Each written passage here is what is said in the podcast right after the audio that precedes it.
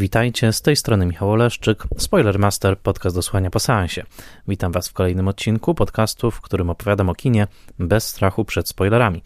Zapraszam Was do posłuchania odcinka, jeżeli widzieliście już film, o którym mówię, ewentualnie jeżeli nie boicie się spoilerów. Spoilermaster jest podcastem w całości utrzymywanym przez patronki i patronów w serwisie patronite.pl. Serdecznie zapraszam Was do odwiedzenia mojego profilu na patronite.pl łamane przez Spoilermaster. Misją Spoilermastera jest popularyzacja wysokojakościowej wiedzy o kinie, a wszystkie odcinki Spoilermastera są darmowo w szerokim dostępie. Pracę nad odcinkami umożliwia mi właśnie wsparcie, a zatem bardzo serdecznie Was do niego zachęcam. Z poszczególnymi programami wsparcia wiążą się bonusy, o których możecie poczytać na moim profilu. Szczególnie dziękuję moim patronkom i patronom imiennym, e, a zatem Festiwalowi Mediów Człowiek w zagrożeniu w Łodzi, Michałowi Hudolińskiemu ze strony Gotam w deszczu, Łukaszowi Daleckiemu, Agnieszce Egeman, Sebastianowi Firlikowi, Odjemu Hendersonowi, Beacie Hołowni, Annie Jóźwiak, Bartłomiejowi Kłosiewiczowi, Tomaszowi Kopoczyńskiemu, Władimirowi Panfiłowowi, Mateuszowi Stępniowi, Weronice Więsyk, Jackowi Wiśniewskiemu, blogowi Przygody Scenarzysty prezentującemu analizy scenariuszowe i portalowi Outfilm oferującemu szeroki wybór filmów o tematyce LGBT. Chciałbym także dodać, że Spoilermaster jest oficjalnym partnerem spaceru oscarowego, będącego częścią szlaku łodzi miasta filmu UNESCO. To jest nowość, jeżeli wpiszecie od paru dni do mm, Google hasło spacer oscarowy czy szlak łodzi miasta filmu UNESCO, y, uzyskacie dostęp do mm, specjalnego spaceru po łódzkich lokacjach związanych z oscarowymi filmami. E, takimi, które miały nominacje, takimi, które dostały Oscary, a jest tych lokacji bardzo dużo, bo Łódź to jest ultrafilmowe miasto. Otóż możecie przejść ten spacer e, ze specjalną mapką i z narracją, której, e, którą wygłaszam ja. E, także jeżeli chcecie razem ze Spoilermasterem przejść po najsłynniejszych, a czasami bardzo ukrytych, ale niesłychanie ciekawych lokacjach oscarowych w Łodzi, to bardzo serdecznie do tego zachęcam. Wystarczy odpalić mm, stronę i tam już są kolejne klipy właśnie z kolejnymi częściami narracji, które przeprowadzają was po tym spacerze oscarowym. Także serdecznie do tego zapraszam. Zapraszam po prostu na wspólny spacer po Łodzi. Dzisiaj opowiem o filmie Celine Siamy pod tytułem Mała Mama, który można w momencie nagrywania tego odcinka w czerwcu 2022 roku oglądać na ekranach kin studyjnych w Polsce. Mam nadzieję, że już także niedługo pojawi się na VOD. Celine Siama jest francuską reżyserką urodzoną w roku 1978 której filmy do tej pory, właściwie każdy kolejny, przynosił jej coraz to więcej e, e, splendoru i zachwytu krytyków. E, najsłynniejszym jej dokonaniem do tej pory jest film z, z roku 2019 pod tytułem Portret kobiety w ogniu, ale już wcześniejsze Lilie wodne z roku 2007 czy późniejsze Chłopczyca i Dziewczyny z bandy zawsze spotykały się z zainteresowaniem. Nie ukrywam, że najnowszy film, czyli właśnie Mała Mama, zrealizowany w warunkach pandemicznych, wydaje mi się jej najciekawszym jak dotąd dokonaniem. Niewielkim, 72-minutowym filmem, który jednocześnie dotyka bardzo głębokich pokładów wrażliwości i pamięci, pytając o to, czym jest dzieciństwo, czym jest dorosłość i czy w ogóle takie rozróżnienia mają sens. Dzisiaj y, o tym filmie porozmawiam z wybitną krytyczką filmową Adrianą Prodeus, y, która prowadzi tematy numeru w miesięczniku Kino. Serdecznie polecam, a także której felietony, ale w zasadzie eseje możecie czytać w Vogue Polska. Adriana Prodeus jest znakomitą krytyczką, y, bardzo lubię czytać jej artykuły, zawsze zaskakuje mnie swoimi obserwacjami, skojarzeniami, sądami i z wielką przyjemnością porozmawiam z nią dzisiaj właśnie o filmie Mała Mama, o którym także napisała na łamach Vogue Polska. Jednocześnie zachęcam Was do obejrzenia wcześniejszych filmów Siamy. Portret kobiety w ogniu był w pewnym sensie arthouse'owym hitem, a także do pooglądania i poczytania wywiadów z samą reżyserką. Zanim przejdę do rozmowy z Adrianą, chcę zwrócić uwagę zwłaszcza na jeden materiał dostępny w języku angielskim na stronie tygodnika The New Yorker, gdzie autorka Elif Batuman, swoją drogą sama prozatorka i autorka książek, napisała taki obszerny profil Celine Siamy y, pod tytułem Now You See Me, który dla mnie był o tyle ciekawy, że dostarczył bardzo dużo biograficznych informacji o Celine Siamie, a także o miejscu, w którym dorastała, o przedmieściu Paryża y, Sergi Pontoise, o którym także wspomnimy na pewno w rozmowie z Adrianą E, Prodeus. E, w tej dzielnicy, w trakcie kiedy dorastała Celine Siama, mieszkała także pisarka Annie Ernaux. Wspominam o niej, ponieważ niedawno, mm, po pierwsze, sama Siama powołuje się na absolutną inspirację właśnie mm, prozą Ani Erno, ale wspominam o tym też dlatego, że właśnie na polskim rynku pojawiła się książka pod tytułem Lata, właśnie Eni Erno, E, w przekładzie Krzysztofa Jarosza i Magdaleny Budzińskiej. E, wydawnictwo Czarne wydało tę książkę i jestem w trakcie lektury. To jest genialna proza. Chcę tylko tyle powiedzieć. Jeszcze nie dokończyłem książki, jestem w trakcie. E, po raz pierwszy właśnie skierowała mnie w tą stronę Selin Siama w tym artykule w New Yorkerze. Później jeszcze moja przyjaciółka, znakomita kinomanka i patronka także podcastu, skierowała mnie w stronę tego polskiego tłumaczenia. Obecnie odkrywam, że rzeczywiście jest to proza absolutnie wybitna, więc ani Erno, autorka, która inspirowała Siamę i mieszkała w tej samej podparyskiej dzielnicy, także jest tutaj ukrytą bohaterką tego odcinka, zwłaszcza, że obecnie już po polsku możemy czytać jej, jej dzieło. Mała mama poruszyła mnie bardzo.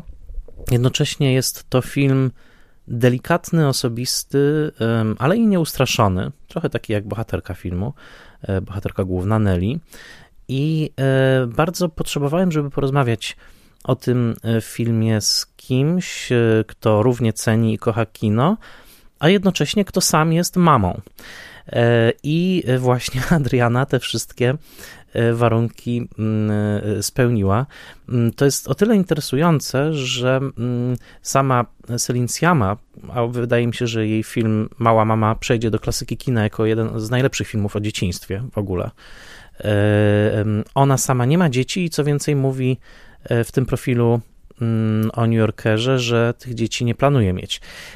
To jest ciekawe i to też myślę wyjdzie w trakcie naszej rozmowy z Adrianą, to, jak ten film każe nam myśleć o swoim własnym stosunku do dzieci, dzieciństwa, mm, do własnej pamięci, a także do siebie samego jako dziecka, co jest chyba takim tropem głęboko terapeutycznym, ale y, o tym y, za chwilkę porozmawiamy.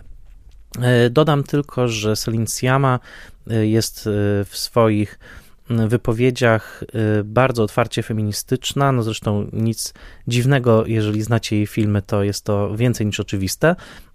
Myślę, że jest bardzo ciekawe także to, że ona w taki bardzo programowy wręcz sposób poszukuje nowych, nowego języka kina, takiego języka kina, które y, wedle jej słów wyzwala się z mm, takiej hegemonii męskiego spojrzenia, które bardzo dominowało kino w pierwszym stuleciu jego istnienia, i na różne sposoby ona poszukuje właśnie takich sposobów i pracy z aktorami, i filmowania, i montowania filmów, które tworzyłoby nowe paradygmaty. W tym bardzo przypomina, myślę, Chantal Ackerman, e, której mm, film mm, o Jean Dillman pojawił się niedawno na mojej liście najlepszych filmów wszechczasów.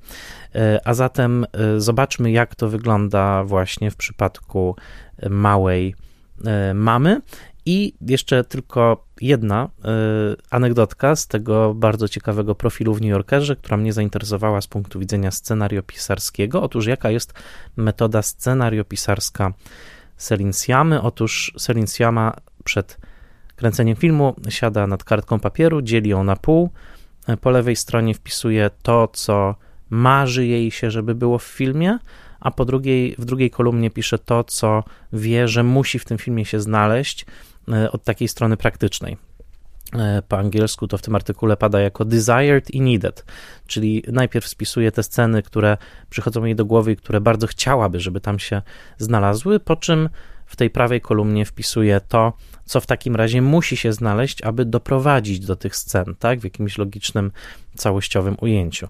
Bardzo ciekawa e, metoda, myślę, że w ogóle jakiejś pracy kreatywnej, a zatem podrzucam, bo może też Wam wyda się ona inspirująca. A teraz już pora, abyśmy e, zanurzyli się w świat małej mamy, już z Adrianą Prodeus i e, bardzo się cieszę, że mm, Adriana przyjęła zaproszenie do mojego podcastu. Jest już ze mną Adriana Prodeus. Witaj, Adriano. Cześć, Michał.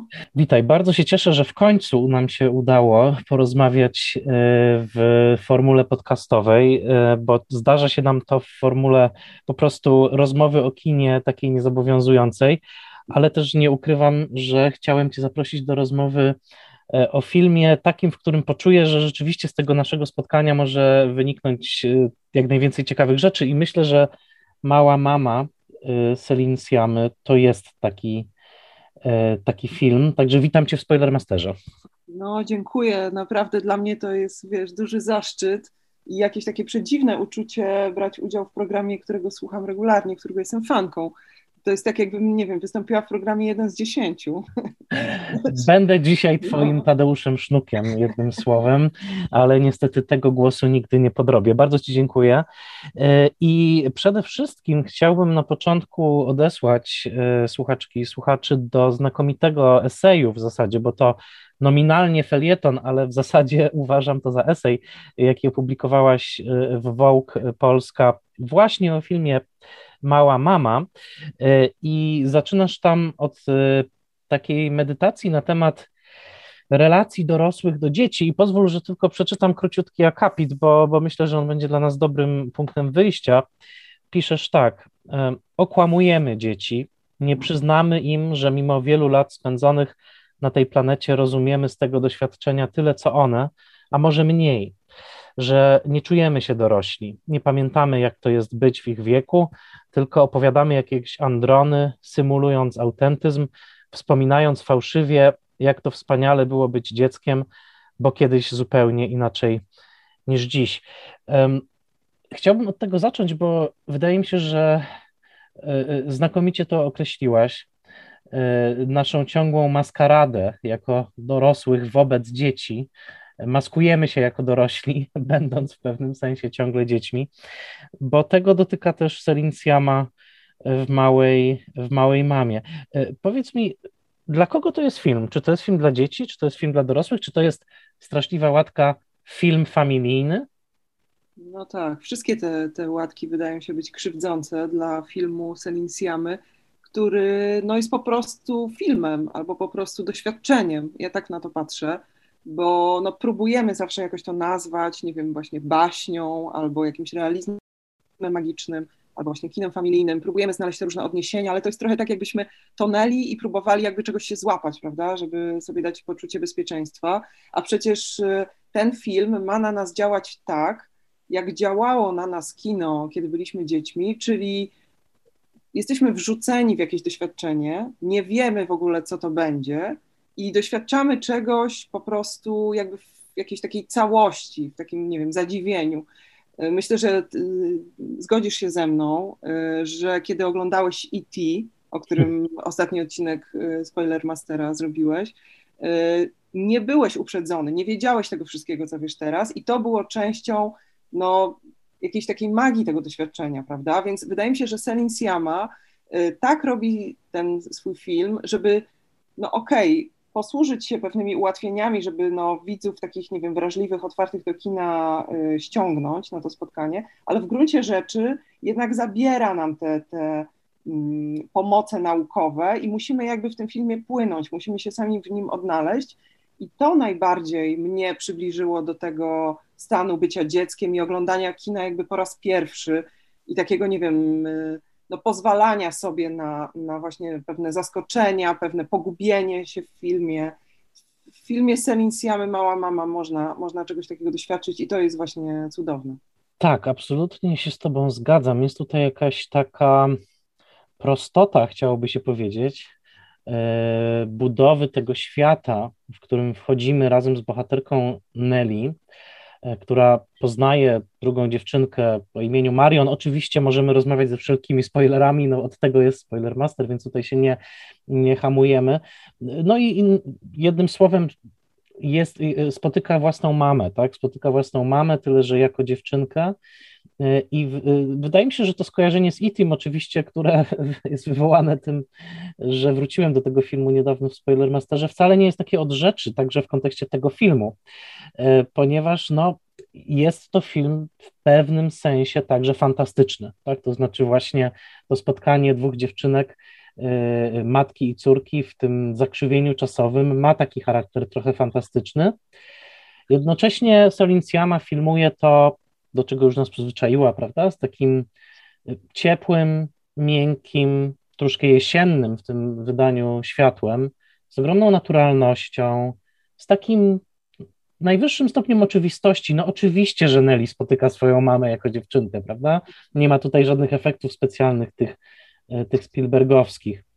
A powiedz, y, jak ty właśnie wchodziłaś do tego lasu, można powiedzieć, bo wchodzimy razem z bohaterką do lasu. Czy się temu opierałaś? Czy ten film od początku cię rozbroił? To jest krótki film, tak? 70 parę minut. Jakie, jaki, jak wyglądał ten twój sejsmograf od, odbioru w przypadku małej mamy? Y, wiesz, no, mm, kiedy jakby dowiedziałam się z opisów tego filmu, z trailerów, y, z relacji, y, że to będzie film o spotkaniu własnej mamy, kiedy była mała, no to od razu pomyślałam sobie, aha, po prostu podróż do przyszłości, czyli no, ta dziewczynka, ta córka będzie próbowała, nie wiem, pomóc swojej matce, jakby stać się dobrą matką, tak? lepszą niż prawdopodobnie jest.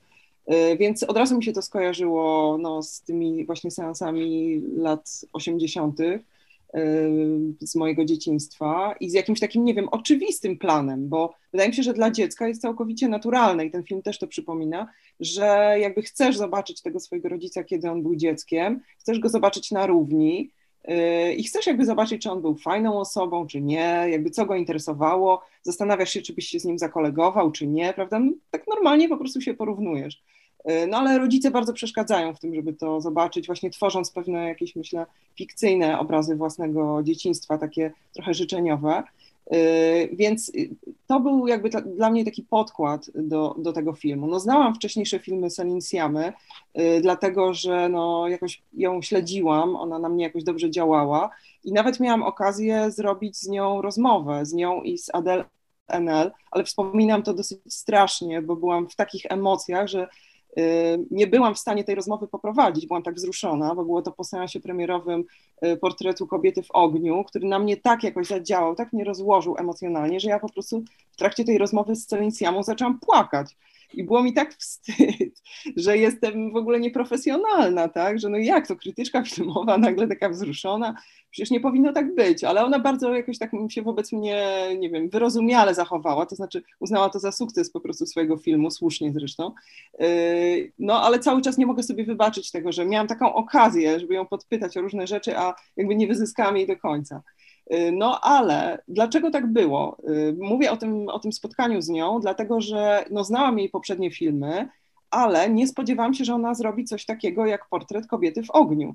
Ten film jakby pokazał mi twarz zupełnie innej reżyserki i chyba przekroczył moje oczekiwania i dlatego ja też nie byłam przygotowana w ogóle na to wzruszenie.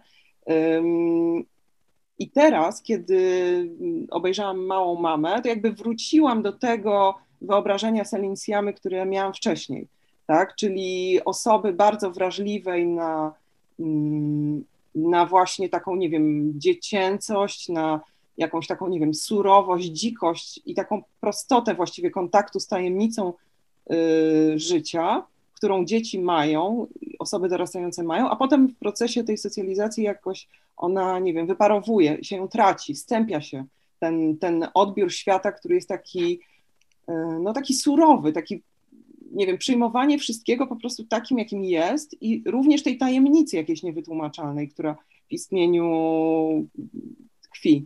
E, więc mała mama jakby sprowadziła mnie na powrót do takiego myślenia, aha, czyli ja wiem, co Selin Siamę interesuje, a co więcej, w przeciwieństwie do tych jej poprzednich filmów e, Chłopczyca, Girlhood i Lilie Wodne, tutaj bardzo mm, jasne, bardzo wyraźne stały się te jej nawiązania właśnie do takiego kina familijnego, kina dla dzieci, co było, co jest o tyle ciekawe, bo ja jakby próbuję nie odpowiedzieć na twoje pytanie, tak, które mi zadałeś, czy to jest film rzeczywiście dla dzieci, no jakby trochę jest, a trochę nie jest, prawda, bo yy, myślę, że yy, no, jeżeli ona nawiązuje do kina dla dzieci, to nawiązuje do takiego kina, które właśnie też krzywdzi się tym określeniem kino familijne, czyli filmy Miyazakiego, filmy Spielberga, yy, nie wiem, yy, Tajemniczy Ogród Agnieszki Holland, Y, prawda, filmy, które jakby no wykraczają poza taką kategorię filmu dla dzieci czy filmu familijne, familijnego które przemawiają do tego dziecka w nas. I oczywiście to jest wyświechtane określenie, prawda, my jakby tak, nie wiem, wzdrygamy się na, na, na to, kiedy ktoś właśnie kieruje coś do dziecka w nas, bo myślimy, że to chodzi o, nie wiem, jakąś nostalgię często, jakby pogrywanie na takim y, trochę sentymencie, prawda, no cała część, myślę, obecnej produkcji od, od kilkunastu lat takiej y, nastawionej na, na zarabianie pieniędzy, czyli nie wiem, jakieś nowe Smurfy, teraz jest Doktanian, jakieś przeróżne filmy, które apelują do tego, czym myśmy się zachwycali jako dzieci, ale traktują to dość, powiedziałabym, y, użytkowo. Tak? Po prostu handlują naszymi jednak wspomnieniami, naszymi wzruszeniami, niekoniecznie tworząc nowe filmy, które mają w sobie tajemnice. Ja dowiedziawszy się, że powstaje nowa Akademia Pana Kleksa, na początku się przeraziłam. Jakby dlaczego film, który no, stanowi jakieś takie, nie wiem, jądro mojej dziecięcej jakiejś, nie wiem, takiej sytuacji egzystencjalnej, czyli fascynacji, niepokoju, lęku, jakiegoś takiego, nie wiem, jakiejś rozkoszy, ale takiej trochę niezrozumiałej dla, dla dziecka, które ten film oglądało, pomyślałam sobie, nie wierzę, że można coś takiego powtórzyć, prawda? Mhm. A, a tymczasem Selin Siama w Małej Mamie jakby próbuje stworzyć to na nowo, czyli próbuje stworzyć taki film, który, który, który można wyjaśniać, można go eksplikować, można go porównywać do jej poprzednich filmów, czy do właśnie mm, Spielberga, czy Miyazakiego, ale i tak ten film nie pozwoli się rozebrać do końca. On i tak zachowuje tą tajemnicę, taką niejednoznaczność yy, i, i wiele jakby takich furtek, które mogły być w tym filmie otwarte, a nie były otwarte. I nie wiem, i można myśleć o Siamie jako reżyserce filmów dla dzieci, a można myśleć o niej jako y, bohaterce, która, nie wiem, rozlicza się z własną matką, y, prawda? I można ją w innym szeregu w ogóle ustawić, o, o tym mm-hmm, mm-hmm. Tak, to kilka fascynujących tropów mm, tutaj wspomniałaś. Ja z kolei tak, kiedy przeczytałem takie bardzo powierzchowne e, streszczenie, to też gdzieś tam mi zabrzmiał ten powrót do przyszłości. Właśnie e, pomyślałem też o Peggy Sue wyszła za mąż Francisa Forda Coppoli, gdzie Kathleen Turner wraca do lat 60. i no i też spotyka swoją mamę właśnie ponownie, prawda, patrzy na nią inaczej, no bo już sama jest w trakcie rozwodu w tych latach 80. i tak dalej. Natomiast jeden film, który nagle mi się zmaterializował, kiedy oglądałem drugi raz Małą Mamę, e, to jest nakarmić kruki i pomyślałem, że Mała Mama to jest taka słoneczna wersja trochę nakarmić kruki, prawda, bo tak jak Saura, no chyba jako pierwszy w tak niesamowicie poetycki sposób zabełtał dorosłość, dzieciństwo, prawda, w taki bardzo dziwny miks, bo pamiętajmy tak, że tam E, bohaterka też spotyka trochę właśnie własną zmarłą matkę i te sceny pomiędzy Anną Torrent i Geraldine Chaplin są dosyć e, niezapomniane. E, tak tutaj mam wrażenie, że Siama robi to wszystko w takim, na takim chillu, chciałoby mi się powiedzieć, po prostu na takim spokoju, bez mrocznej tajemnicy w tle, bez też może generała Franco, bo pamiętajmy, że jednak tam to wszystko było tuż po, po dyktaturze, no i, i, i dodajmy ze swojego takiego dzisiaj powiedzielibyśmy uprzywilejowanego, e, komfortowego miejsca, jakim jest jednak to powiedzmy francuskie mieszczaństwo. Tak, wydaje mi się, że to jest taki film, który no, po prostu opowiada o, o, o tych dzieciach, powiedzmy, z tej klasy średniej w takim właśnie trochę bańce, jakbyśmy, jakbyśmy powiedzieli. A jednocześnie wydaje się to film tak bardzo uniwersalny, tak? Chcę użyć chcę użyć e, e, tego, tego, tego słowa. E, I pytanie do ciebie mam takie, jak ty czujesz, czy to jest film łagodny, czuły? Nie lubię tego słowa, bo za często go ostatnio używamy, mam wrażenie. Czy, czy jednak jest tutaj jakieś takie bolące miejsce? Coś, czego ten film nie potrafi odczarować, wyleczyć. Czy, czy, czy, czy w tym filmie jest jakaś rana, której ten plasterek spotkania tych dwóch kobiet e, nie jest w stanie do końca zaleczyć? Czy, czy coś cię bolało jeszcze po tym filmie, takiego nie do końca może właśnie uleczonego? Słuchaj, no jakby słyszę, słyszę tą sugestię, która w twoim pytaniu jest zawarta i może odniosę się do jakby wywiadów, do rozmów z samą Siamą, która była często o to pytana, czy to jest jej rozliczenie z własną matką. I tak jak tutaj powiedziałam, że no można by było ją ustawiać w innym szeregu, choćby z Chantal Ackerman czy z Xavierem Dolanem, y, z osobami, które dość jakby drapieżnie i tak surowo, na zimno jakby kroiły tą, nie wiem, pępowinę, prawda, i to łożysko łączące je z matką, tak prawdziwą jakby, nie wiem, bohaterką tego filmu wcale nie jest matka. I to jest w ogóle bardzo ciekawe, że te, ten film zaczyna cię wzruszać już na początku seansu. Mnie wzruszył po raz pierwszy, kiedy ta dziewczynka, no, film zaczyna się w ogóle od pożegnania, prawda? Dziewczynka chodzi po pokojach różnych starszych pań w ośrodku i mówi wszystkim do widzenia, żegnaj, tak? I my nie wiemy dlaczego, myślimy, może jest taka dobrze wychowana. Ja przynajmniej tak myślałam. No, potem dowiadujemy się, że to jest dlatego, że ona próbuje jakby nadrobić, próbuje się pożegnać, jakby na, na zapas, czy nie wiem, wstecz z tą swoją babcią, z którą nie miała okazji się pożegnać, bo nie wiedziała, że babcia odejdzie.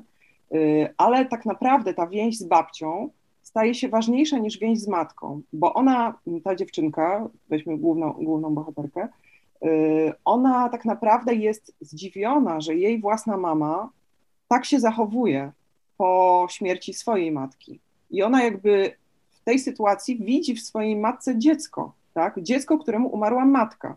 I nie dochodzi tutaj do takiej konfrontacji matka-córka, tylko dochodzi tutaj do tego, że ta wnuczka, tak, czyli ta główna bohaterka, próbuje pomóc swojej matce, matce, która jest obecnie w stadium dziecka, bo opłakuje śmierć swojej mamy, próbuje jej pomóc, jakby z tego wyjść i sobie pomóc też trochę na przyszłość, y, ale nie zamrażając się i blokując przed y, uczuciami, które ją czekają, kiedy będzie swoją matkę żegnać, tylko jakby próbując trochę przerwać taką, nie wiem, dziedziczną, trochę, nie wiem, może nie klątwę, ale jakąś taką niedojrzałość, która z pokolenia na pokolenie jest dziedziczona. I to, co dla mnie było jakieś takie porażające w wywiadach z Celine Siamą na temat tego filmu, to jest to, że ona mówiła, że ja i moja mama tak naprawdę jesteśmy siostrami tej sytuacji tego dzieciństwa, że jesteśmy córkami tej samej babci i y, jakby ja nie widzę mojej matki jako kogoś, kto może mi pomóc, może mnie wesprzeć, bo ona jest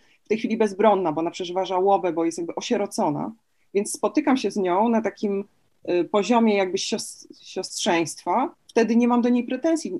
Ona nie jest moją matką, którą muszę obalić, muszę ją zabić, tak? muszę, nie wiem, ją zakwestionować albo jej wybaczyć, tylko po prostu spotykamy się jako siostry. To jest bardzo bezpieczny grunt. Więc ja w pewnym sensie anuluję ją jako matkę. Tak? Nie, to jest bardzo w sumie jakby ciekawe, no bo y, patrząc na, na baśnie, patrząc na, nie wiem, baśnie takie też dla dzieci filmowe, to często obserwuje się taki zabieg, że matka głównej bohaterki nie żyje, prawda? My z moją córką, kiedy oglądamy filmy, często się z tego śmiejemy, naigrywamy się z tego właściwie od najmłodszych lat y, mojej córki, y, że w, naprawdę w 90% filmów po prostu matka nie żyje. W pierwszym zdaniu dowiadujemy się, że matka umarła i mamy macochę, Wiemy, że oczywiście z, Betel, z że to jest taki zabieg służący temu, że z matką jakby nie możemy się rozprawić, bo ona jest otoczona pewnym jakby nimbem, no jednak świętości, prawda? Matce nie można jakby pewnych rzeczy powiedzieć, bo trzeba ją kochać i szanować. Więc dlatego tworzy się figurę macochy, a na macosze można już jakby ćwiczyć wszystkie możliwe rozwiązania. Y, ale Celine Sciamma jest bardzo świadoma tej tradycji, ona nie chce w nią pójść, nie chce żadnej macochy. Więc ona zamiast macochy tworzy siostrę, tworzy przyjaciółkę, tak? takie pewne lustro, kogoś w tym samym wieku, na tym samym poziomie co my. I to w pewnym sensie jakby anuluje to niebezpieczeństwo, które w relacji córka-matka tkwi i które przez tych y, no, reżyserów, właśnie począwszy od właśnie Chantal Ackerman, po tego Xaviera Dolana, jakby jest eksplorowana. Tutaj najważniejsza staje się ta relacja z babcią, która dla wnuczki jest oczywiście zupełnie czymś innym niż dla córki, I jakby wnuczka jest dalej, ma większy dystans, może babci więcej wybaczyć, może zobaczyć jakby y, to, to dziedzictwo, które chce odrzucić, którego nie chce przyjąć, bo widzi, że to jej nie służy. Nie służy to też matce, więc ona może jakby pomóc tej matce wyjść z toksycznej relacji z, z jej własną matką, dzięki czemu może jakby pośrednio naprawić ich relacje. Ja tak to widzę i jakby ja, ja mm, bardziej na, na moje w ogóle jakby postrzeganie kina, to teraz będzie taka osobista wycieczka, dużo większy wpływ ma na przykład to, co ja w danej chwili czytam. Y, bo ja jednak jestem człowiekiem, który jako dziecko głównie się zajmował czytaniem, nawet nie oglądaniem właśnie. Ja byłam zawsze czytelniczką, taką po prostu namiętną. I książka, którą akurat y, czytałam podczas oglądania po raz pierwszy Małej Mamy, bardzo jakby, y, no nie wiem, naświetliła mi ten film. I to z jednej strony była taka książka po angielsku wydana, bestseller New York Timesa, The Dictionary of Obscure Sorrows, czyli jakby taki katalog takich, nie wiem, dziwnych, nienazwanych trochę smutków. I oglądałam tą małą mamę i pomyślałam sobie, kurczę, Celine Siama, ona tak dużo wie o tych różnych smutkach, co nikt, po prostu takich nienazwanych, które jakby no są takie, takimi różnymi małymi poczuciami, które y, wszyscy jakby przeżywamy, ale nie ma na to trochę języka, nie ma na to słów. Więc śledziłam to trochę przez te smutki i jednym z tych smutków, y, nazwanych właśnie przez ten słownik, ale też właśnie przez małą mamę, było to, że gdzieś tam do końca tej swojej matce nigdy nie wybaczysz. Więc musisz jakby wymyślić trochę inną figurę, jako, mówię tutaj jako kobieta, jako córka, tak, że, że no nie wiem, to jest jakby taka relacja nieuleczalna w pewnym sensie. Ja o tym też myślę z taką ciekawością, bo sama mam córkę, więc myślę sobie, okej, okay, w którym miejscu ja mam tą jakby nieuleczalną y, więź z nią, więc czytam to na jakimś takim osobistym poziomie w tym y, momencie, w którym, w którym jestem. I myślę sobie też o innej książce z zakresu już jakby tutaj psychologii, y, taki, taki, ta, taka bardzo popularna w tej chwili w Polsce książka, czyli no, o, o niedojrzałych emocjonalnie rodzicach, czyli o tym, w jaki sposób, jak jesteś dorosły, możesz nie wiem, uleczyć właśnie pewne, nie wiem, deficyty, które miałeś w relacji z własnymi rodzicami, w jaki sposób możesz zrozumieć, dlaczego oni pewnych rzeczy nie umieli zrobić, nie umieli ci dać. I możesz to zrobić właśnie wyobrażając sobie ich jako dziecko. I nawet nie wybaczając im, jeżeli cię jakoś bardzo skrzywdzili, ale jakby rozumiejąc, z czego to się bierze i no, widząc jakiś taki szerszy obraz. Więc wydaje mi się, że y, w filmie Mała Mama, mimo że mama jest w tytule, to mama jakby jest powiedzmy tym, nie wiem, adresatem tego filmu, ale pomocnikami w tym, w tym, nie wiem, rytuale, w tym obrzędzie tego, żeby sobie pomóc i tej matce też pomóc, są te inne osoby. Bardzo ważna jest babcia, jak powiedziałam, no bo ona cierpi na tą y, dziedziczną chorobę, którą, no, która jest chorobą chodzenia, ona chodzi o lasce, więc to jest jakby dla mnie taki symbol nieumiejętności życia w pełni, tak? Nie, nie, niemożność chodzenia i dlatego ta bohaterka musi przeżyć operację, ta matka tej głównej bohaterki, y, żeby, żeby potem na tą chorobę nie cierpieć. Widzimy, że ta operacja się udała i fajnie, ale chyba nie wszystko zostało naprawione tak, podczas tej operacji, więc to jest jedna rzecz, która tam się toczy, jeden proces, a inny proces jest jeszcze z ojcem. To jest brakujący element tej układanki. I tutaj może i należałoby szukać śladu jakiegoś może nie przekłamania, ale pewnej idealizacji. Ojciec jest absolutnie w tym filmie wyidealizowany. Jest pokazany jako taki super wspierający, ciepły, właściwie zgadzający się na wszystko mężczyzna, który po prostu jest w tym domu i kiedy ta dziewczynka wraca z tej zabawy, z tego przekraczania światów, zawsze tata będzie, tak? On nie ma jakiegoś swojego innego życia, innych problemów, jest po prostu dla niej. I najbardziej wzruszająca scena w tym filmie z tym ojcem, dla mnie jest wtedy, kiedy on znajduje takie stare instrumenty do golenia się, czyli ten pędzel, prawda, tą miseczkę, starą taką maszynkę z wymienianymi żyletkami i zaczyna się golić i pozwala córce namydlić sobie twarz. To myślę, że też jest doświadczenie wielu dziewczynek.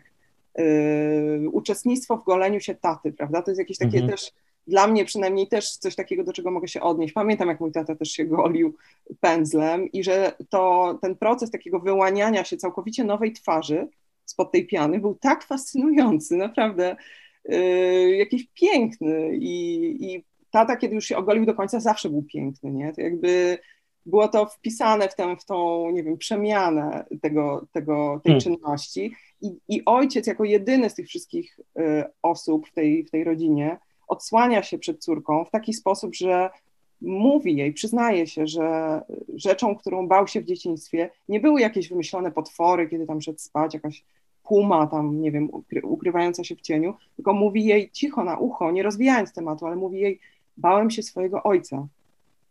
No i dla mnie to też jest taki piękny moment jakby autentyzmu, kiedy ten dorosły jednak obnaża się przed dzieckiem jako dziecko. Tak, to niesamowite, co powiedziałeś. Myślę sobie o tym, że w polskim kinie, bo, bo cały czas myślę, czy dałoby się to jakoś przenieść na przestrzeń męską, prawda? Czy, czy można sobie wyobrazić taki film Mały Tata, tak? Gdzie właśnie chłopiec spotyka swojego ojca. E, oczywiście ta męska emocjonalność jest tak obwarowana różnymi e, zakazami i nakazami kulturowymi. E, kobieca też, ale inaczej, że wydaje tak, mi się, że. Tak to... było, w, przepraszam, że ci tak. ale tak było właśnie w powrocie do przyszłości, prawda? Tam było tak, tak, tak. Tylko, że tam y, wpadaliśmy od razu w edypalny trójkąt, tak? Dlatego, że matka zaczynała, y, że tak powiem, uwodzić własnego syna, co, co oczywiście było freudowsko-edypalną y, wisienką na torcie tej, tej komedii, tak? Bo to też była sensu stricte komedia. Natomiast, y, y, ale tak, tam Marty McFly widział swojego ojca jako y, cudzysłów nieudacznika. Natomiast myślę trochę o tym, że to, jest, to, to też jest jakby, byłoby bardzo trudne spotkanie ze względu na te wszystkie właśnie obwarowania, powiedzmy kulturowo, emocjonalne, a jednocześnie fascynuje mnie to, co powiedziałaś o tym goleniu, dlatego że o ile się orientuję, to jest bardzo częsty topos dziecka, dziewczynki, może częściej, która prosi właśnie swojego ojca, żeby zgolił brodę, prawda? Bo broda drapie, bo jest, e, bo, bo, bo jest niemiła i tak dalej, i tak dalej w oczach, w oczach dziecka. E, jakoś nie, nie, nie kojarzę małych dzieci, a zwłaszcza małych dziewczynek, którym podobałaby się broda własnego ojca. Zazwyczaj jest to właśnie ten ciągły tato ogól się, prawda? To, co teraz powiedziałaś, że ta twarz ojca, która się wyłania spod tej brody, wydaje się w jakiś sposób dziwny, bezbronna, prawda? Jakoś taka świeższa, jakaś, nie wiem, może delikatniejsza po prostu, prawda? No, no broda jest tym atawizmem, że tak powiem, z, z dawnych dziejów, która się wiąże z jakąś, nie wiem, zasygnalizowaniem męskości, nie wiem, jak, brnę tutaj w jakieś strasznie zawikłane tereny, ale, ale bardzo też mnie ujęła właśnie ta scena w tym filmie, tego, tego golenia brody, prawda, tego, że dziewczynka patrzy, jak jej ojciec odsłania się, dosłownie, no bo broda jest rodzajem zasłony, prawda, więc on się tutaj przed nią i chyba nawet trochę na jej prośbę, prawda, że to jest jej życzenie, e, on się, on się mm, odsłania, więc myślę, że no jest to, jest to bardzo ciekawa, ta obecność ojca, który godzi się w tym filmie na to, żeby, żeby troszkę się odsłonić, a córka przecież mówi mu, że ja bym chciała się dowiedzieć, czego się na przykład bałeś. E, wiem o tobie dużo, ale nie to, prawda? bo mężczyzna tak. od strachu nie, mu, nie mówi. Scena, mhm. Tak, jest jeszcze jedna scena taka drobna, prawda? No bo ten film jest tak krótki i tak jakiś taki skondensowany, że właściwie każda czynność, każdy przedmiot tym filmie znaczy, prawda? To jest też takie przyjemne, myślę, dla nas oglądanie takiego filmu, bo to absolutnie tak oczyszcza y, wrażliwość, prawda? Taką, nie wiem, jest tam bardzo mało bodźców, mówiąc krótko. I jednym z tych bodźców jest to, że tata y, pyta się córki, czy może zapalić papierosa przy niej. Mm. To też jest ciekawe, bo no nie wiem, ja jak byłam dzieckiem, moi rodzice palili jak smoki. Nikt się nie pytał dzieci, czy może przy nich palić. Mm -hmm, prawda? Mm -hmm. Dzisiaj już takie pytanie trochę jest nie na miejscu, no bo to nie dziecko powinno jakby wyrażać zgodę, czy można przy nim zapalić, tylko rodzic wie, że przy dzieciach się nie pali i tego nie robi. No ale ten mhm. ojciec jest sobą. To jest jakby takie nieobciążone jakby krzywdzeniem dziecka, tylko mówi, słuchaj, czy mogę przy tobie zapalić, otworzę okno, tak? I zaczyna palić, a ta dziewczynka mu mówi, no tak, ale wie, że to nie jest dla ciebie dobre.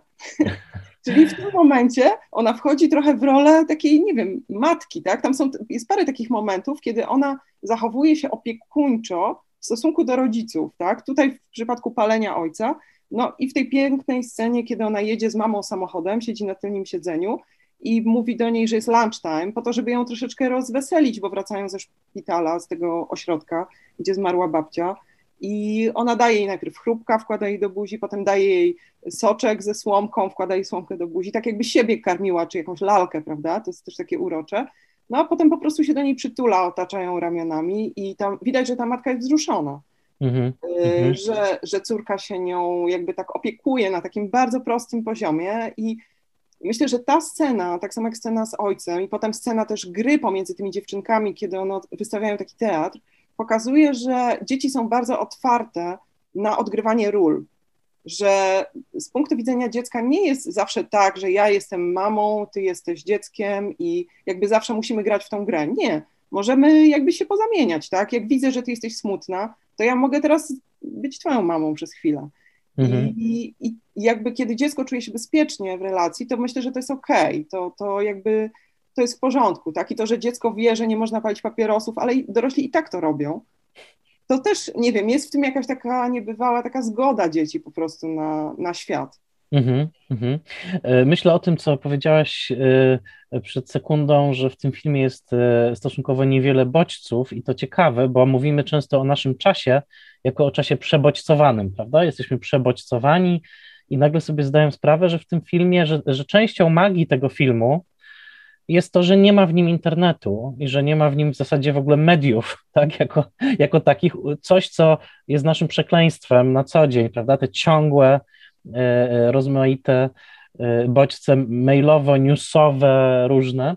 Tutaj tego nie ma, prawda? Tak jak u Spielberga oczywiście jest kino i w ogóle miliard, w, w powrocie do przeszłości jest muzyka rock'n'rollowa i, i, i tysiąc różnych cukierków i różnych audycji i tak dalej, tak tutaj cofamy się do dzieciństwa właśnie w cichym lesie, w cichym domu, w cichym pokoju, e, w takim trochę bezczasie. Przez większość czasu filmu nie ma muzyki, potem pod koniec wchodzi taki, chciałby się powiedzieć, trochę 80 syntezatorowy, e, e, radosny utwór.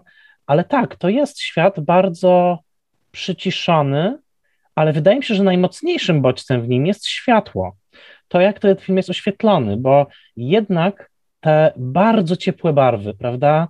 Taki oranż, pomarańcz, żółć, zieleń, e, liści, e, które są to zielone, to już, prawda, jesienne, to jest w tym filmie czerwień kurteczki, prawda, e, tej, tej dziewczynki. To jest chyba coś, gdzie Celine Siama, która pokazała przecież, jak bardzo malarstwo jest jej bliskie w portrecie Kobiety w ogniu, tytuł też odsyła do koloru, że to jest tutaj bardzo żywe. I chciałem zapytać, jak zareagowałeś właśnie na tą wizualność tego, e, tego filmu?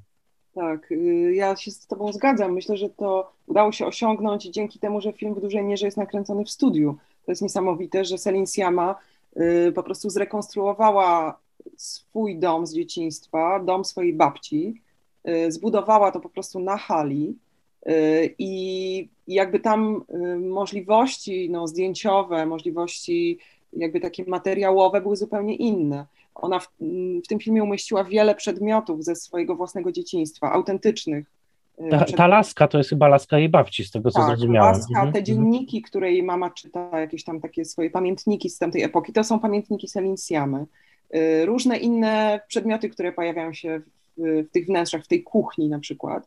To jest dokładnie odwzorowana kuchnia z jej, z jej dzieciństwa, chyba u jej babci.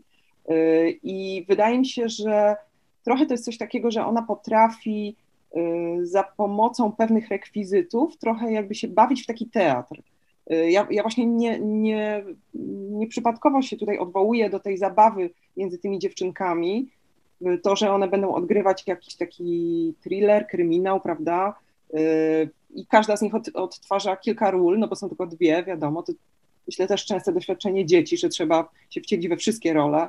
No i kiedy one tam grają taką scenę chyba przesłuchania, że jakiś komisarz tam siedzi, prawda, yy, który prowadzi śledztwo, to Celine Siama w wywiadach opowiada, że to jest jej własne przedstawienie z dzieciństwa. To jest ten pierwszy moment, kiedy ona nakręciła coś i sama zagrała, ustawiła kamerę w swoim dzieciństwie i sama zagrała rolę filmie jakby stała się reżyserką, więc są przeniesione te materie, wydaje mi się, y, z dzieciństwa Selinsjamy, no to musiały to być lata 80., y, są one przeniesione do filmu, dlatego to jest takie, nie wiem, to się wydaje takie nasycone, że to, to nie jest nawet właśnie rekonstrukcja, tylko to jest po prostu przeniesienie pewnych przedmiotów, pewnych rekwizytów do y, świata, który jest pewną przestrzenią teatralną, w którym na nowo można jakby użyć tych rekwizytów i zobaczyć, co w nich tkwi. Tam na przykład jest taka zabawka w drewnianym takim pudełeczku taka piłka na, na sznurku, prawda? Taka piłka do gry samemu. I dzisiaj też takie piłki są. Widzę nawet u nas w ogrodzie dzieci sąsiadów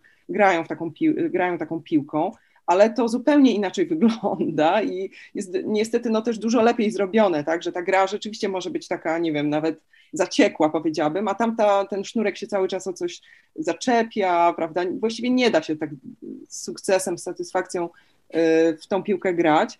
I i, i, I, wydaje mi się, że te, nie wiem, faktury tych przedmiotów, kolory, ich autentyczność bardzo dużo tam zmienia. Plus, y, jeszcze raz podkreślę, ta teatralność, bo te wszystkie liście kolorowe jesienne, które tam widzimy, one od razu zwróciły moją uwagę, że wow, jakie liście. Gdzie można takie liście znaleźć na ścianach? Jak ja chodzę po, nie wiem, lesie kabackim, jakoś takich liści nie widzę jesienią. No też y, czytając różne materiały o powstawaniu tego filmu, dowiedziałam się, że te liście to jest właściwie jedyny efekt specjalny, jaki zastosowała Selinsiama, ponieważ y, one były zbierane w innych lasach, wybierane najlepsze, najpiękniejsze liście najładniejszych odcieniach i były przyczepiane rzeczywiście do tych drzew, więc y, mamy film taki fantastyczny, ale jedyny element fantazy to są właśnie te liście, które dodają jakby jeszcze większej, nie wiem, Y, jesienności, większego jakiegoś takiego nasycenia y, tym, tym, tym barwom. No i ubrania, którymi też zwykle zajmuje się Celine Siama, ona zwykle y, zajmuje się kostiumami w swoich filmach, to są też rzeczywiste ubrania dzieci z lat 80. Więc mhm. te kolory są, myślę, dla osób wychowanych w latach 80., tak jak ty i ja, są jakimś takim punktem odniesienia do, mm, do naszej pamięci po prostu, do naszej pamięci kolorów, do naszej pamięci nie wiem, tkanin, których dzisiaj też już nie ma, prawda? Więc las jest tutaj bezpieczną przestrzenią, bo las właściwie no, nie ulega, prawda, żadnemu upływowi czasu. Mm-hmm, mm-hmm. I, I las też pojawiał się w innych filmach Celine Siamy, no na przykład w Chłopczycy. Był takim miejscem, gdzie bohaterka tego filmu, która stawała się stopniowo bohaterem, yy, bawiła się, bawił się jako Mikael z innymi dziećmi i tam naprawdę mógł być sobą, prawda? Robił sobie z plasteliny takiego mal, maleńkiego siusiaczka, żeby wszyscy byli przekonani, że to jest chłopiec. I po tym lesie z tymi dziećmi biegał. Y, I ja jakoś jak zobaczyłam, że mała mama też w dużej mierze toczy się w lesie, to pomyślałam, ok, czyli las jest takim miejscem, gdzie można naprawdę być sobą, gdzie dziecko czuje się po prostu wolne, czuje się u siebie i gdzie można jakby na nowo wytyczyć Y, zasady. I to, że te dziewczynki budują w lesie domek, taki szałas, prawda, który też no, jest chyba jakimś takim ważnym elementem we wspomnieniach mamy, bo kiedy film się zaczyna, to córka już wie o tym, że jedziemy do domu, gdzie ty miałaś ten szałas w lesie, prawda, więc to jest widać bardzo coś, co przetrwało tą próbę czasu i o czym matka opowiadała córce, no ale jednak teraz ona może ten dom zbudować sama, na nowo, z tą właśnie swoją koleżanką, siostrą, tą małą mamą. Y, ja nie wiem, Michał, jak ty, ale rzeczą w tym filmie Celine Siamy, która najbardziej mnie zaskoczyła, to jest tytuł. Mm. Bo on się wydaje no. tak dosłowny, tak jakiś taki, nie wiem, wręcz uderzający. No, mała mama po tak. prostu. Tak, tak. Tak. No, y, y, to jest tytuł, który jakoś, nie wiem, lubię, nie myślałem o tym, ale jest on dosłowny, jest on dosłowny. Ja myślę sobie, ale zobacz, tytuły, ja nie wiem, chyba ten film Girlhood się trochę inaczej nazywał po francusku, szczerze mówiąc y, teraz nie wiem, no bo po angielsku go nazwano Girlhood, tak. Y, no czyli właśnie dziewczęc, dziewczęcość, dziewczęctwo, prawda, tak, tak. dziewczyństwo, siostry, czy siostry, nie, to by sisterhood, nie, no. y, a tu girlhood, czyli takie no duże kwantyfikatory, ale to jest niesamowite, co, co mówisz o tym, że ten las był taki wykreowany, bo ty mi zwróciłaś uwagę teraz bardziej na to, że ten film jest bardzo rzeczywiście kreacyjny, tak, że, że to, że i dlaczego yy, to jest wręcz taki disneyowski trochę element, prawda, takiego stworzenia najpiękniejszego możliwego lasu.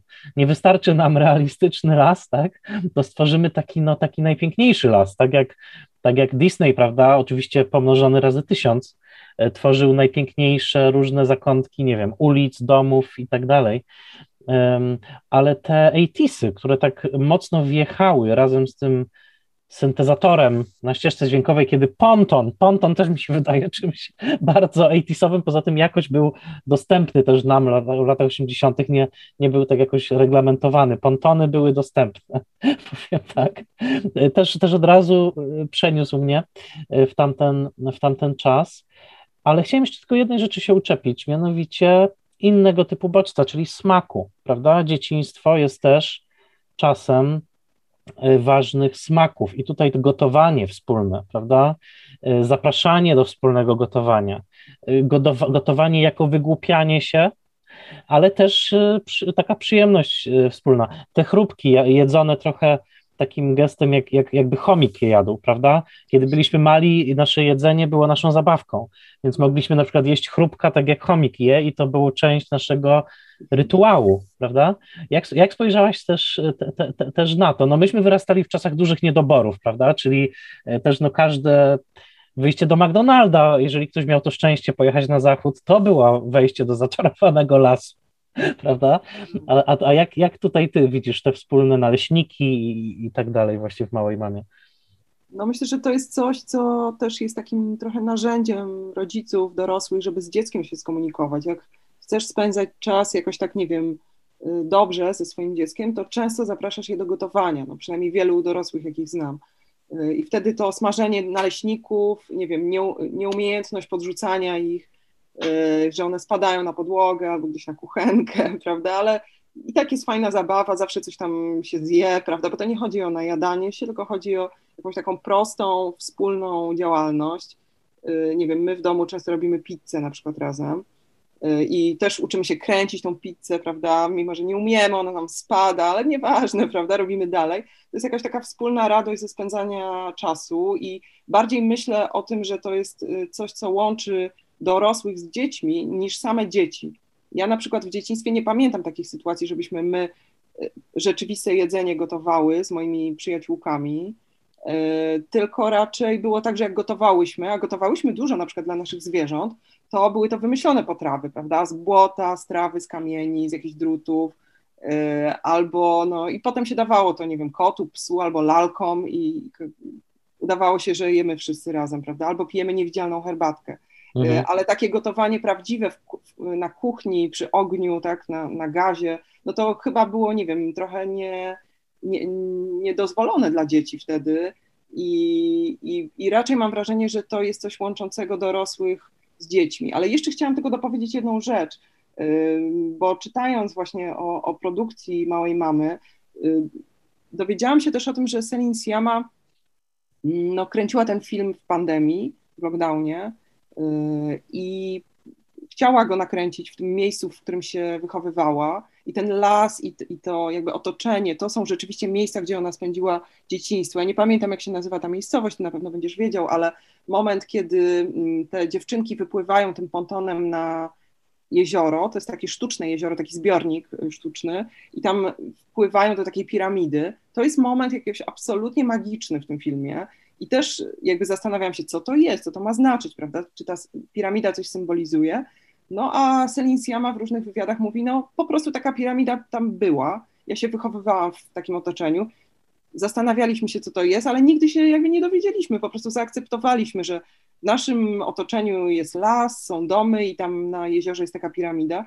I to miasto, w którym, miasteczko, w którym ona się wychowywała, to było jedno z tych tak zwanych tych sztucznych nowych miast, które powstawały no właśnie wtedy w latach 70., że wszyscy mieszkańcy byli zupełnie od zera tam osiedlani, i jakby tworzyła się taka nowa społeczność, w której bardzo ważną rolę też odgrywały dzieci, y, bo jakby no chodziło o to, żeby było dużo rodzin z dziećmi, więc y, jakby cała była taka przestrzeń y, niezagospodarowana, a przeznaczona do, dla dzieci, gdzie można było sobie budować te swoje bazy, mieć swoje bandy i tak dalej. To jest też doświadczenie, które mi jakoś przypadło w udziale, jak byłam dzieckiem, bo mieszkałam właśnie na obrzeżach Wrocławia I tam były ogromne, ogromne nieużytki, gdzie właśnie robiliśmy co chwila bandy, bazy, jakieś mieliśmy, nie wiem, chodziliśmy na szaber, no takie po prostu rozrywki dzieci, y, takich niezagospodarowanych, czyli niektóre bawią się na placu zabaw, tak, albo w sali zabaw, jak to teraz często bywa, tylko które po prostu się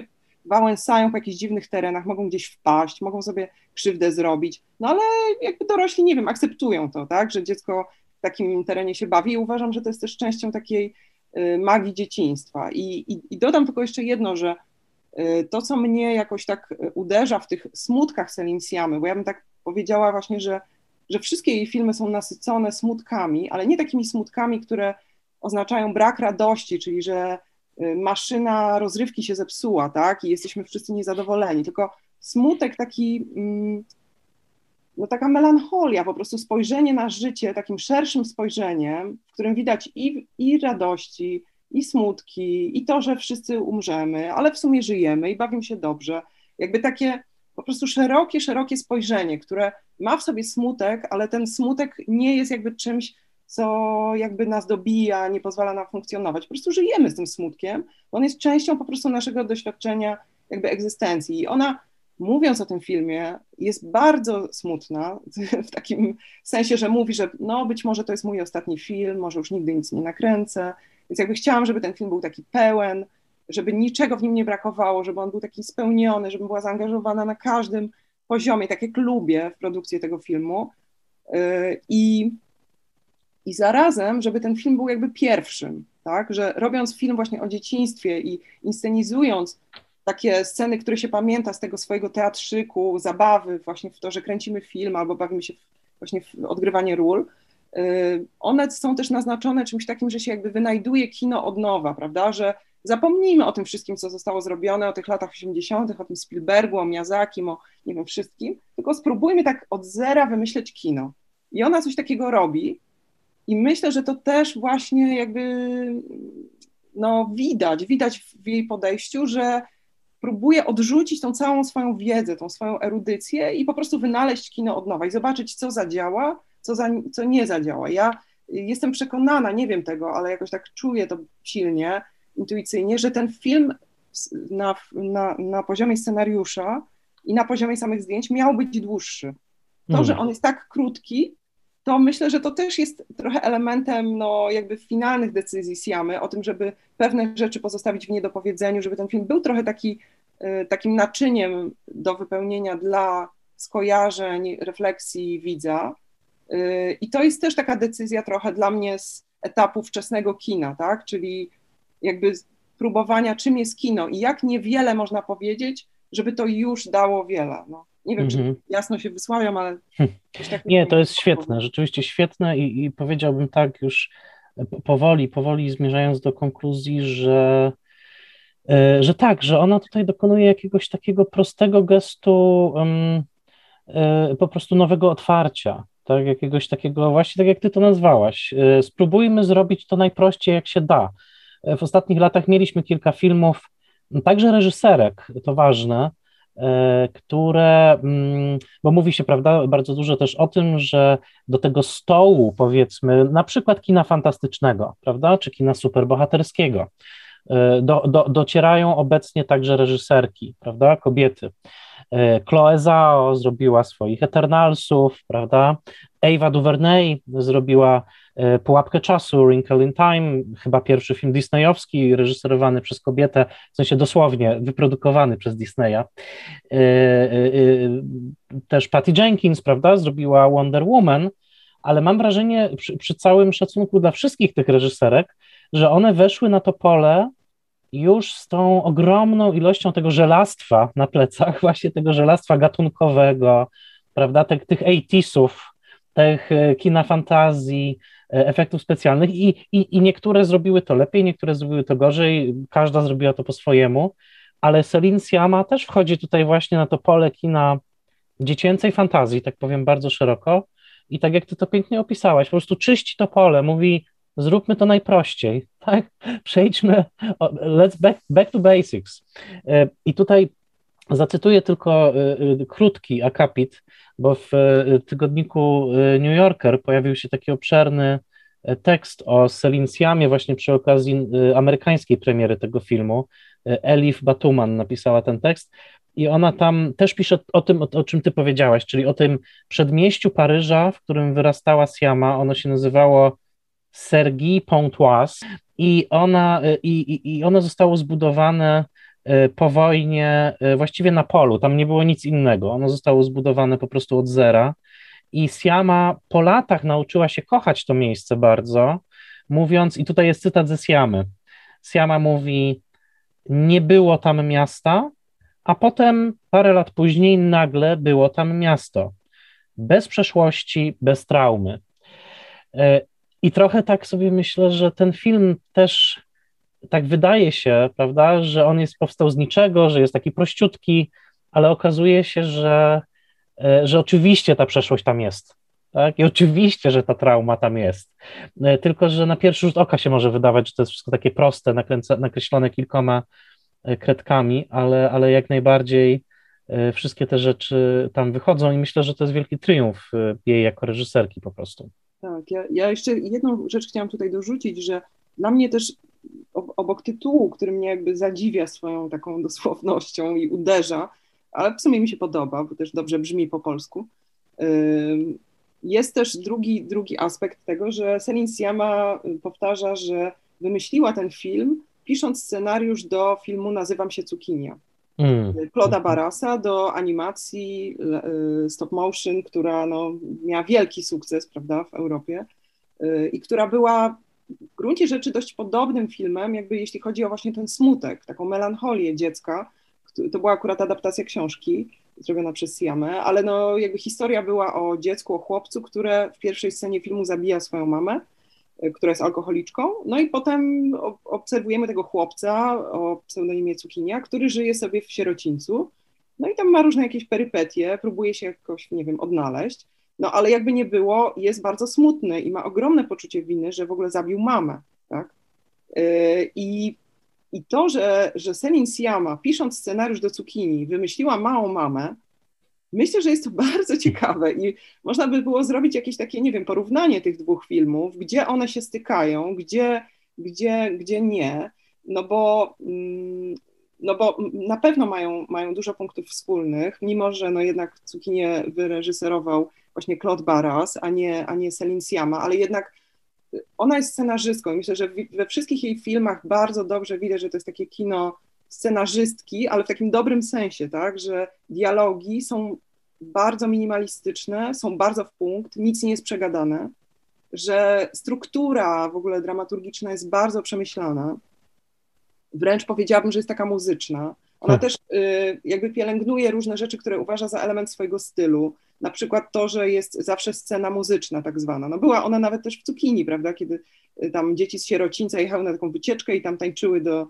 do takiej niemieckiej piosenki disco z lat 80., no ale była i w Girlhood scena, kiedy do, do Riany dziewczyny tańczą, prawda, na łóżku i tam, nie wiem, naprawdę wtedy się y, materializuje ich ten właśnie no, No i niesamowita scena muzyczna w portrecie kobiety w ogniu, że ci przerwę, czyli ta wokaliza, prawda? Tak, tak, przy ognisku, to kiedy te kobiety, te, niezależnie od klasy, pochodzenia, prawda, one mają coś bardzo wspólnego, pierwotnego i to ognisko to uruchamia i one śpiewają razem jakby taką, nie wiem, odwieczną pieśń. To też był moment, który myślę naprawdę prowokował ciary. Y, w tym filmie to jest ta scena, kiedy ta dziewczynka no, z przyszłości, czyli ta nasza bohaterka, y, wyciąga swojego Walkmana, na którym ma tą muzykę elektroniczną, jak powiedziałeś, z 80 czyli Musique de la Future, y, piosenkę napisaną przez Céline Siamę z jej kompozytorem, który zawsze muzykę do jej filmów robi. Y, I to jest piosenka właśnie y, brzmieniowo, tak realizacyjnie, aranżacyjnie z lat 80., ale nie wiem, czy zauważyłeś, że na napisach końcowych Małej Mamy leci tekst tej piosenki. Mm, nie, nie zauważyłem tego. Można po prostu zrobić sobie karaoke. Można rzeczywiście wspólnie z chórem dziecięcym, który tą piosenkę wykonuje, y, co mi się też zresztą skojarzyło bardzo z filmem Szumowskiej, Śniegu już nigdy nie będzie, gdzie też dzieci piosenkę śpiewały Voix y, sur tu chemin, y, która była takim, no nie wiem, trochę takim przekleństwem, prawda, tego, że te dzieci jakby wiedzą lepiej, że wszystko się kończy, skończy źle. Tutaj u Selin Siamy te dzieci, ten chór dziecięcy, który śpiewa tą muzykę z przyszłości, e, wie, że wszystko jakby będzie dobrze. To jest bardzo optymistyczna piosenka, mimo że smutna, tak? Mhm. Znowu z tym smutkiem, jako z tym takim zrozumieniem szerszym, e, czym jest w ogóle życie. Hm. I, I wydaje mi się, że Selin Siama jakby ona projektuje ten swój film, bardzo jest świadoma wszystkich jego elementów i zawsze w każdym swoim filmie projektuje tą scenę muzyczną, która ma być taką, nie wiem, szerszą metaforą, trochę ma być takim mrugnięciem do musicalu, tak, ale zawsze ona jest bardzo wypełniona znaczeniami i bardzo emocjonalna, że pozwala się jakby widzowi y, troszeczkę, no może nie wypłakać, ale pozwala jakby wziąć taki głębszy oddech y, podczas seansu. Fa nawet fajnie by było, gdyby pojawiły się napisy w trakcie tej sceny i taka kuleczka skacząca, to moglibyśmy rzeczywiście zrobić to karaoke. E, Adriano, mam do Ciebie ostatnie pytanie, skręcające w stronę e, wspomnień e, Twoich, osobistych, filmowych oczywiście. Mianowicie ten film to jest też film rytuałów, bo dzieciństwo jest oparte na rytuałach, prawda? Pożegnanie kolejnych pań, w domu spokojnej starości, jedzenie chrupek takie, a nie inne. No, dzieciństwo ma swoje rytuały. Jestem przekonany, nie byłoby nas tutaj dzisiaj, gdybyśmy obydwoje w dzieciństwie nie mieli jakichś rytuałów związanych z oglądaniem filmów. I y, oglądając Małą Mamę, przypomniały mi się wiele filmów i wiele spektakli teatru telewizji. Przypomnę, że było coś takiego jak Teatr Młodego Widza, obecnie to już nie istnieje. E, I nagle wróciły do mnie filmy, o których i spektakle, o których nie myślałem od bardzo długiego czasu. E, nagle te tytuły mi się uaktywniły. Moje drzewko pomarańczowe był taki spektakl dla dzieci. Ofelia Andrzeja Maleszki, kolejny spektakl dla dzieci teatru telewizji. E, film Przedziwny wedle Małgorzaty Musierowicz, która myślę, że gdzieś tutaj też mogłaby z tym filmem się skojarzyć pod tytułem ESD, eksperymentalny sygnał dobra. O, pamiętam. Pamiętasz komuś? Film, którego nie widziałem od tamtego czasu. On jest tylko zakorzeniony w tym jednym momencie, kiedy go zobaczyłem w telewizji właśnie pewnie na przełomie lat 80. i 90. Powiedz mi, czy masz takie filmy, takie spektakle, takie seriale, do których nie wracałaś przez całe późniejsze życie, ale które może się wiążą z jakimś takim obejrzeniem czegoś, kiedy byłaś chora, kiedy nie poszłaś do szkoły, kiedy w telewizji po prostu było coś ciekawego, e, nie wiem, z gorącym kakałem albo, albo, albo i nie. Masz takie filmy, które jednak się mimo to w tobie zapadły na zawsze? Tak, tak, oczywiście, że mam. I, I, akurat może zacznę od tego, że mam dwa takie seriale, które oglądałam jako bardzo małe dziecko. I wróciłam do nich po latach po prostu z takiej, nie mogłam się opanować, po prostu zobaczyłam, że są na YouTubie, to zaczęłam to oglądać, wkręciłam, zaczęłam to oglądać po prostu na potęgę i mm, nie wiem jak u Ciebie, ale u mnie mm, było tak, że bardzo dużą rolę odgrywały też moje takie miłości. Mhm, ja oczywiście. Tak w różnych osobach, więc teraz będzie wielki mój coming out. Proszę. że moją pierwszą miłością, największą, był pies D'Artagnan. O, ale gdzie był pies D'Artagnan? Zaraz, zaraz. Uwaga, z serialu D'Artagnan i Trzej Muszkieterowie, który nazywał się o. Van Van Sanjushi. Była to japońska y, wersja, no po prostu D'Artagnana, y, która leciała w, u, u, nas w domu w czarno-białej telewizji. Ja po prostu płakałam, kochałam tego bohatera i tak dalej. Teraz jest nawet y, niestety remake, który miał premierę teraz, no nie wiem, tydzień temu, 3D y, animacja, hiszpańska bodajże, pełnometrażowy film y, właśnie Doktanian, ale ja nie chcę tego widzieć, bo ja nie chcę po prostu tracić mojego wspomnienia, wiesz, japońskiej rysunkowej animacji. Hmm. Y, I drugi film, który też myślę, że obudził we mnie jakąś taką miłość do animacji wczesną, mhm. to jest nie film, tylko serial, który nosił oryginalnie tytuł Nawsztewniczy, czeski, czechosłowacki serial, w ogóle czechosłowacka kinematografia była mi zawsze bardzo bliska, w dzieciństwie zwłaszcza. No mhm. i on się w Polsce nazwał Goście. To było sci-fi. Y, o, nie, uważam, że niesamowita historia. Racja. O kosmitów, którzy są zmuszeni przyjechać na Ziemię, dlatego że w 2484 roku ma w Ziemię uderzyć kometa i zniszczyć w ogóle naszą cywilizację. Ale wiemy, że słynny naukowiec y, Andrzej chyba Bernał, czy jakoś tam się nazywał, y, jako dziecko w swoim zeszycie od matematyki zapisał wzór, y, który ma uratować Ziemię, zmienić po prostu y, orbitę Ziemi, prawda, i pozwolić uniknąć tej katastrofy. I oni w przebraniu geodetów przyjeżdżają na Ziemię, oczywiście do Czechosłowacji, i próbują odnaleźć tego chłopca, zdobyć ten zeszyt z matematyki i tak dalej. To był absolutnie mój numer jeden. E, w mojej w ogóle takiej dziecięcej, e, nie wiem, no, pasji do, do serialu głównie wtedy. E, I co jest ważne, że ci kosmici mieli jedzenie w tubkach, które wyciskali na talerze i to jedzenie jakby zamieniało się w kotlety, w smażony ser, w ziemniaki I to był ten pierwszy mój moment, kiedy zetknęłam się z animacją Jana Schwankmajera. A to on robił te, te tak, animacje? Tak, on robił te animacje A. i ja wtedy po prostu zakochałam się w Schwankmajerze. E, więc jakby moja, moja pasja błyskawicznie została jakby tutaj e, uziemiona w animacji. Do tego dochodził jeszcze Jim Henson, czyli Fraglesy, Labirynt, Ciemny Kryształ, e, no te wspaniałe lalki, prawda, z ulicy Sezamkowej i tak dalej, które, które uwielbiałam. Więc błyskawicznie jakby zrozumiałam, że animacja to jest moja, moja w ogóle dziedzina. Plus Disney rysunkowy lat 90., czyli Srenk, Mała Srenka, Piękna i Bestia i tak dalej. Ale co chciałam po powiedzieć, to jest to, że jakby najlepsze w latach 80. i coś, o czym na przykład zapomnieli twórcy y, Stranger Things, y, to jest to, że nie było żadnego kategoryzowania, że są filmy dla dzieci, są filmy dla dorosłych.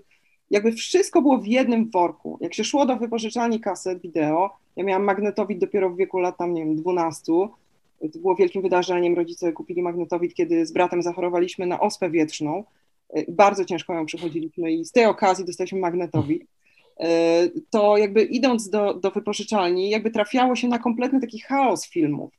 I mówię o tym Stranger Things, dlatego że tam w jednym z pierwszych odcinków jest taka scena, że bohaterowie jakby patrzą w te katalogi, w te karty użytkowników i na podstawie wypożyczanych filmów mogą powiedzieć, kto jest podejrzany, kto jest zamieszany w tą, w tą sprawę tego morderstwa, tak? Y, ale to nie było tak, że była osoba, która poży pożycza z wypożyczalni tylko horrory albo tylko, nie wiem, filmy o dorastaniu. Nie było wtedy takiej specjalizacji. Oglądało się wszystko, nie wiedziało się, co się bierze na kasecie do domu. Dopiero to się często okazywało. I nie było żadnej klasyfikacji wiekowej. Nikt nie tak. był w stanie, nawet pan w wypożyczalni tak naprawdę nie do końca wiedział, co od ilu lat może być tak. dozwolone. Tylko tak. można było trafić na, na Y, jakieś oczywistości, typu tam właśnie Gwiezdne Wojny, Terminatory, Akademię Policyjną, czy coś takiego, a mo można było trafić na coś zupełnie jakby zaskakującego. I wydaje mi się, że ja na przykład miałam taką y, sytuację akurat nie w domu, tylko w szkole. I tutaj chciałam pozdrowić serdecznie moją panią polonistkę z podstawówki, panią Renatę Bućko, która naprawdę pokazywała nam niesłychane filmy na lekcjach w podstawówce, które sprawiły, że naprawdę no, byłam w szoku po prostu, że takie filmy istnieją. Pierwszym z filmów, które oglądaliśmy z nią, były Odmienne stany świadomości Kena Russella. Wow, no to naprawdę. W czwartej klasie podstawówki i pamiętam moje jakby, nie wiem, jakieś takie pomieszanie, co ja mam w ogóle z tym filmem zrobić. Dobrze, że nie diabły, prawda? No ale okej, okay, Odmienne stany świadomości, a potem Dracula Coppoli. No to słuchaj, naprawdę pozdrawiam i ja, pozdrawiam i ja panią Renatę. To naprawdę to wybitne wybory. E, niesamowite, jak mocno zapamięta, zapam, pamiętam rzeczywiście te animacje jedzenia, bo mnie fascynowały te animacje jedzenia też w tym serialu Sąsiedzi, o którym wspomniałaś.